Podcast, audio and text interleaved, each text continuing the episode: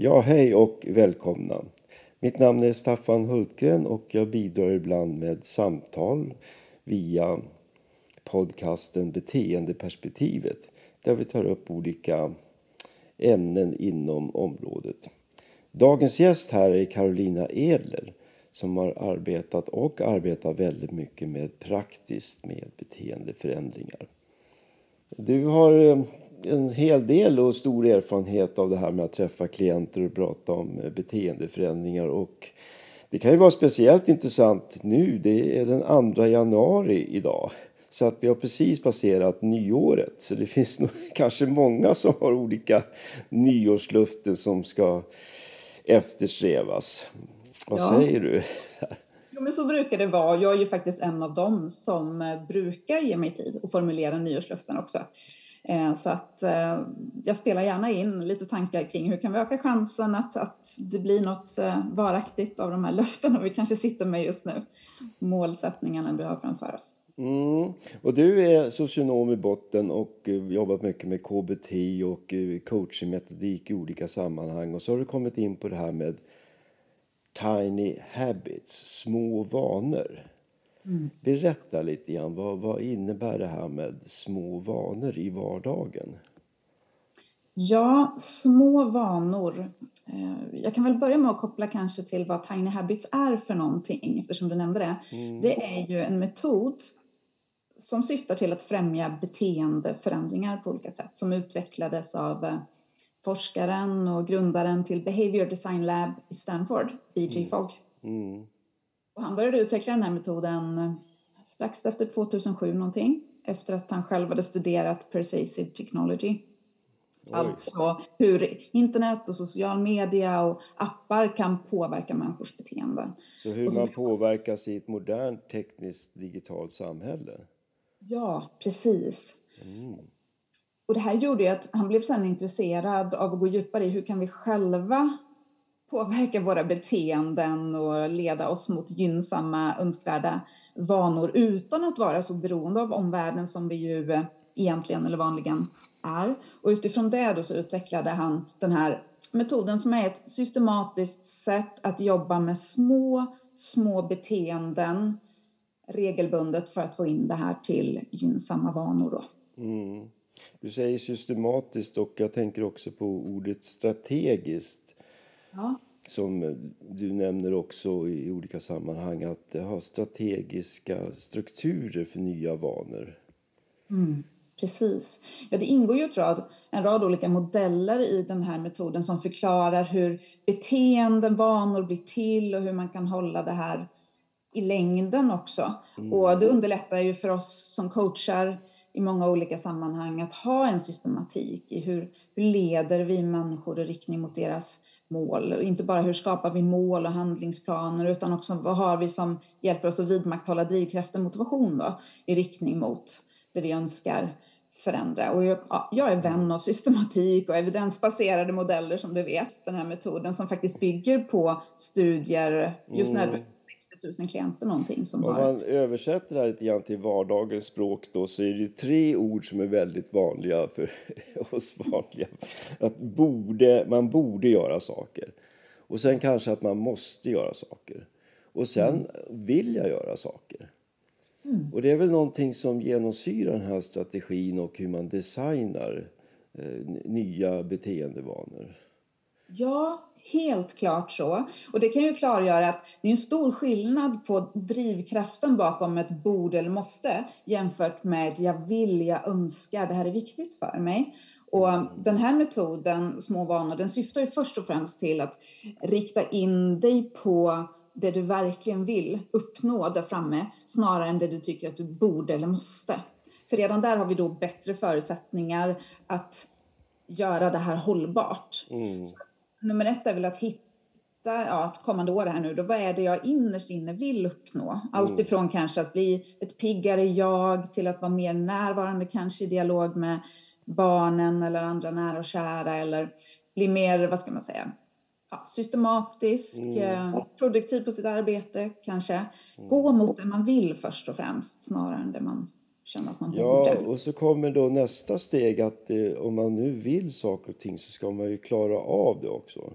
Ja. Att man har kompetens.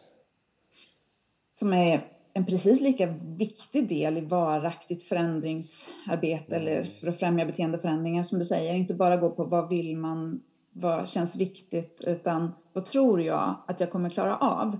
Och den här metoden, Tiny Habits, riktar ju också in coachingprocessen mot att stärka kompetensupplevelsen från start. Mm. Och du, du skriver och säger också att man ska försöka koppla det nya vanan, beteendet till redan befintliga vanor. Ja, Hur precis. menar du då? Ja, eh, och det här får jag ju säga, det är ju BJ Fogg, då, grundarens eh, studier som har visat att det är otroligt viktigt att inte bara välja ett nytt beteende, någonting jag ska göra mer av, utan också koppla det här beteendet till något som redan sker i min vardag mm. per automatik. Mm. Så att man förankrar det nya beteendet. Som om vi tar ett exempel. Eh, jag jobbar själv med att få in mer rörelseträning i mitt liv. Mm. Eh, och det kan ju handla om att göra lite axelrullningar till exempel. Jag kopplar det bland annat till situationer då jag stänger av datorn. Om jag har haft ett coachingsamtal online till exempel eller en handledningsgrupp exempelvis och nu trycker jag på end meeting. Då gör jag några axelrullningar därefter som mm. ett sätt att få bort eventuella spänningar och öka ja, microcirculation, mm. mikrocirkulation som, eh, som det heter. Mm. Och det här att förankra våra nya beteenden till något redan befintligt.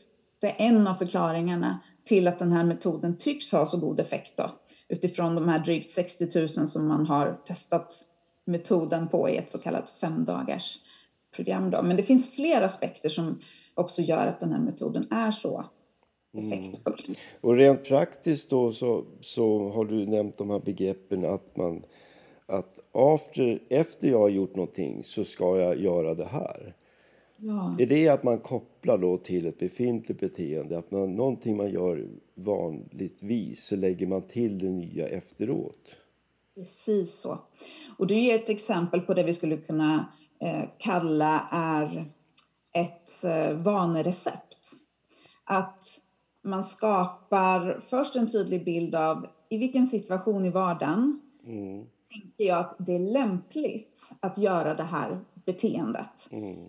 Och jag valde ju end meeting situationen när jag avslutar mina möten som ett tillfälle då jag gör axelrullningar eftersom det händer titt som tätt på mina jobbdagar i alla fall att jag mm. avslutar mina möten. Så då säkerställer jag att jag får in den här vanan flera gånger mm. under jobbdag. Men konsten är ju också att testa sig fram. För det är inte alls säkert att det första receptet efter att jag gjort det här ska jag göra detta, att det funkar. Utan beteendedesign, det här är ju en form av beteendedesign den här metoden då. Det handlar ju om att pröva och utvärdera. Passar det i de här situationerna att jag lägger till det här beteendet? Eller mm. kanske finns andra situationer i min vardag då det mm. faktiskt passar bättre och sen kommer lättare bli mer automatiskt. Då. Kan du ge några exempel? Du nämner också det här begreppet 30 sekunder och att man skulle kunna tillämpa det här under väldigt kort tid. Några vardagliga mm. exempel på att eh, först nu så gör jag det här och sedan så ska jag göra det här. Mm, absolut.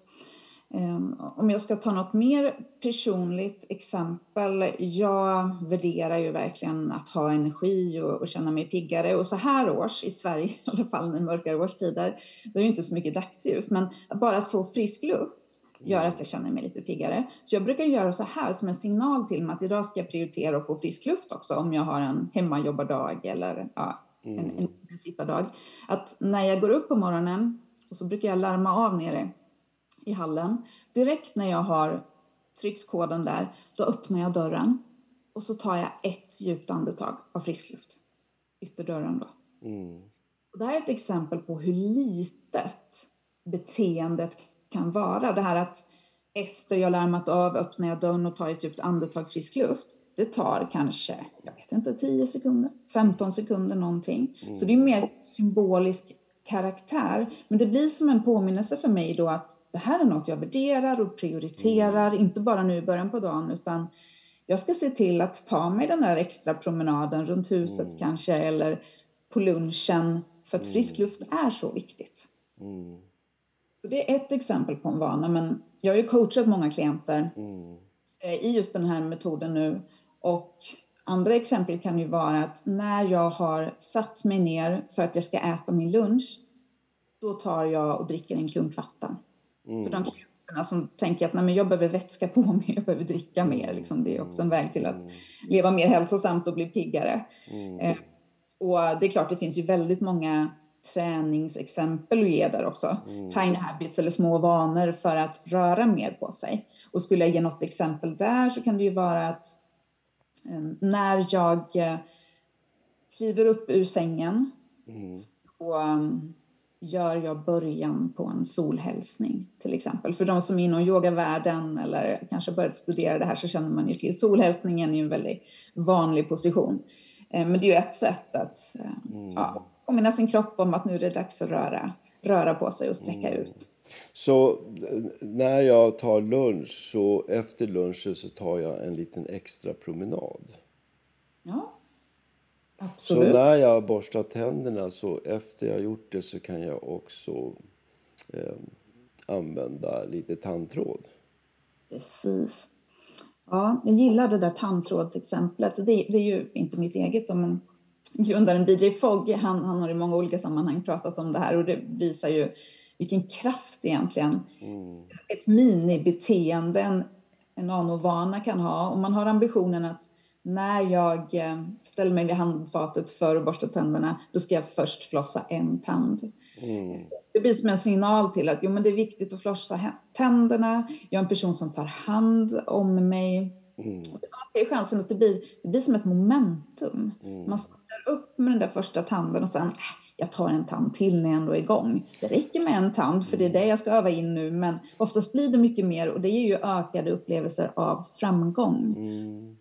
Och det blir ju väldigt många framgångsberättelser av det här i och med att det är så små, små rörelser som man får plats med i vardagen. Det tar inte så mycket extra tid. Precis. Utan efter att jag har plockat in i diskmaskinen så kan jag sätta mig ner en stund och fundera lite grann på hur jag ska lägga upp dagen. Till exempel. Eller Ja, något liknande som man kan hitta på nu utifrån de eventuella nyårsluften som finns nu. Att man lägger till en liten plan för det här då i, Ja. i, i små vanor. Verkligen, verkligen. Och du är inne på ytterligare en förklaring till att den här metoden har så god effekt och som jag också personligen upplevt i dialog med klienter och när jag testar det här kontinuerligt själv. Det är att ju fler små, små vanor man testar och lägger till desto fler framgångsexempel får man av att jag är en person som tar ansvar i riktning Mm. mot vad som är viktigt. Och då ökar ju också välmåendet. Det blir ju som en kick, liksom, en motivationskick i hjärnan när man ser att jag gjorde det idag också. Jo. När jag stängde diskmaskinen, ja men då, då satte jag mig ner och funderade över vad, vad är nästa fokus nu på eftermiddagen här? Jo, men det verkar som att man ökar liksom graden av självtillit, att man klarar av saker och att det är framgång ger framgång att man klarar av mer och mer saker. Och till Precis. slut kanske de här nya små vanorna tar över om man, om man är uthållig och tålmodig med det här då. Ja, verkligen. Och det här är någonting som gjorde att jag fastnade för metoden. För jag har ju under många, många år coachat klienter inom socialtjänsten bland annat eller ute i olika arbetsmarknadsprojekt, Mm. coachat personer ute i sysselsättning och då har jag mer instinktivt jobbat i coachingsamtalen med att jobba med baby steps, Mm. små, små steg i riktning mot målet för att öka chansen att man känner att jag har ju förmågan, jag tar ju steg. Och att man skapar nya historier, nya erfarenheter då. Och det är precis det som Tiny Habits-metoden handlar om. Skapa nya positiva historier som gör att vi mår bra längs vägen. Och för att citera BJ, han, han formulerar det så fint. eh, People change best by feeling good. Mm. Och det är precis där den här metoden går ut på. Främja hela tiden upplevelse av framgång och ingen vana eller, eller inget beteende är egentligen för litet för att kunna skapa en större vana. Utan börja hellre lite, lite mindre än vad du tror Mm. är, är möjligt. Jag tänker på ett exempel som jag fick eh, häromdagen att eh, en Mm. person som mm, gick till träningsanläggningen och ibland så blev det så att när personen tränade inte utan gick tillbaka då, och då frågar den här personen som intervjuar den här per- personen då om eh, Hörru, du, du tränar ju inte. Var, kändes det meningsfullt att gå dit då? Ja, då har jag i alla fall gjort någonting.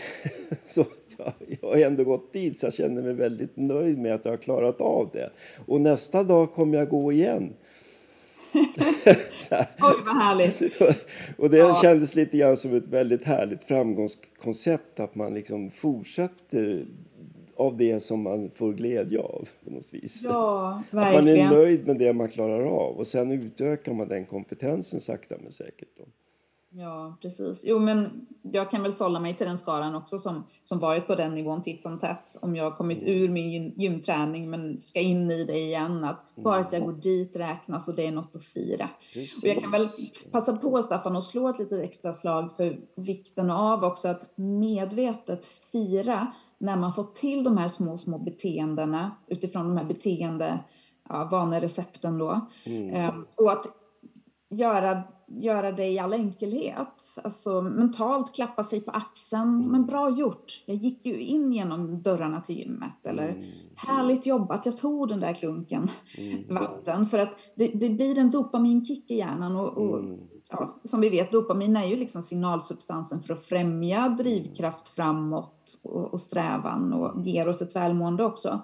Så att man ska liksom inte vänta på någon större belöning för att fira, utan det är en, en del i det hela, att göra det direkt efter. Man uppskattar det man själv gör. Just det, för att visa att man uppskattar det man gör. Mm. Och, och, att göra det direkt efter att, ja, som när jag tar det här djupa andetaget då, frisk luft på morgonen, mm. att jag faktiskt, nu råkar jag ha en spegel precis när man kommer in vid dörren, så då brukar mitt firande vara bara att jag gör tummen upp i spegeln mm. till mig det tar två sekunder ungefär. Mm. Eh, men, men det blir som en påminnelse att det här är ju bra för mig. Det är ja. därför jag gör tummen upp. Så det här är något jag vill fortsätta med och göra ännu mer av. Ja, det låter som när du berättar nu att det är så där som småbarn brukar göra när de berömmer sig själva. Liksom. Lite grann att de klappar sig själva och gör tummen upp och tycker att de är duktiga och så. Ja, men precis. De har ju hittat ett sätt att liksom hacka sitt eget eh, motivationssystem. De sitter ju inte och väntar på att en förälder eller annan vuxen ska komma och applådera, utan de kan ju applådera för sig själva. Mm. Jag lyckades, eller ropa ja, eller vad det är. Och, ja, så funkar ju egentligen vi oavsett ålder. Att vi du, avslutningsvis här, mycket tankar och mycket kompetens som du redovisar nu här. Och jag tänkte på avslutningsvis med att det här med att man att man, när man ska förändra någonting så kan man förändra mot någonting, det vill säga man ska göra någonting nytt. Men det kan också vara så att man ska ta bort någonting som kanske inte är så bra för en själv eller ohälsosamt på något sätt. Då. Mm. Att ge en plan A, att man går emot någonting eller plan B, att man tar bort någonting. Eh, dina tankar om det? Ja, eh, om jag utgår från den här metoden också och egna erfarenheter när jag coachat andra och mig själv.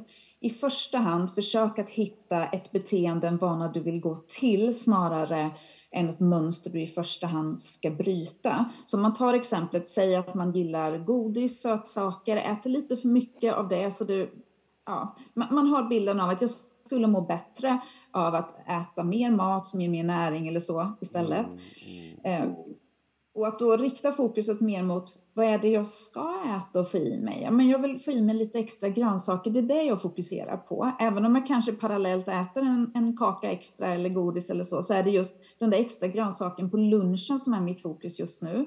För det ökar chansen att då blir det mer av grönsaker i andra lägen också. Mm. Eller frukter, kanske mellan mål ett eller så. Och så blir man lite mättare och man blir påmind om, jag är en person som tar steg i riktning mot att äta mer hälsosamt. Mm. Helt plötsligt kanske det blir ändå att man taggar ner från två kakor till en och en halv kaka kanske, mm. den där eftermiddagen och så. Det, det, är ofta så att det kommer fler ringar på vattnet av den där nya banan som man går mm. till istället för ifrån att fokusera på det. Men sen, det är klart att i vissa lägen kan det vara mer akut. Jag behöver sluta med en ovana mm. som, som påverkar mig eller människor runt mig också. Och då kan man ju omvänt jobba med en form av beteendedesign då, att man medvetet jobbar för att försvåra för sig själv mm. att göra den här vanan. Och en klassiker skulle kunna vara att, att sluta röka eller snusa eller så då. Att jobba med att inte ha cigaretterna, snusdosan för tillgänglig bara det kan göra att, att man kanske skapar nya erfarenheter av att klara sig utan vid något tillfälle och att man funderar på vilka situationer triggar mig mera. Mm. Till den här ovanan. Kan jag vistas mer i andra situationer, andra miljöer? Mm. Och på olika sätt också, istället för att um, att tala för den här ovanan, det här lugnar mig, det här gör att jag, jag blir glad eller så. Mm. Påminna sig mer om de negativa konsekvenserna med, med den här vanan stoppbeteendet eller vad man ska säga som man mm. försöker komma ifrån. Men, men det är verkligen i, i sista hand att jobba med mm. först att försöka avbryta beteenden, vanor man redan är i, skapa mer historier av att jag kan skapa nya mönster. Mm positiva mönster för det ger oss mer självtillit sen att ta tag i de här svårare utmaningarna som många gånger kanske kräver faktiskt coaching, terapi eller någon annan behandling. Mm. komma ifrån också. Mm. Ja, du nämnde det här ordet stopp. Eh, jag tänkte, jag fick en association direkt med en mm. typ av stoppstrategi, att man hindrar sig själv från att göra vissa saker ibland då, och så får man ha lite strategier för det. Men eh, sammanfattningsvis då att man strävar efter att gå mot de nya vanorna. Och, ja. och, när man går mot de nya vanorna så kommer de här mindre bra vanorna att minska i omfattning.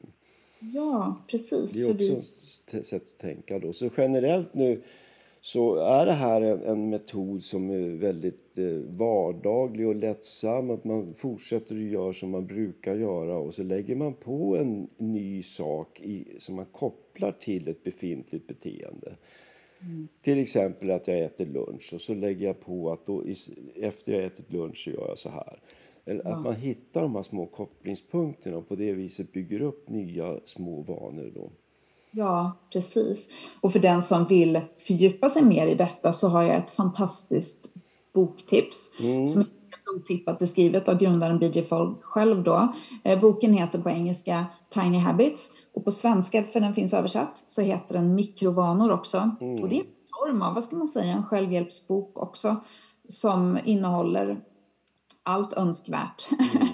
Gällande hur man kan forma sina egna nya beteenden och få dem till vanor och gynnsamma mm. autopiloter då. Så att jag slår verkligen ett slag för den, den boken.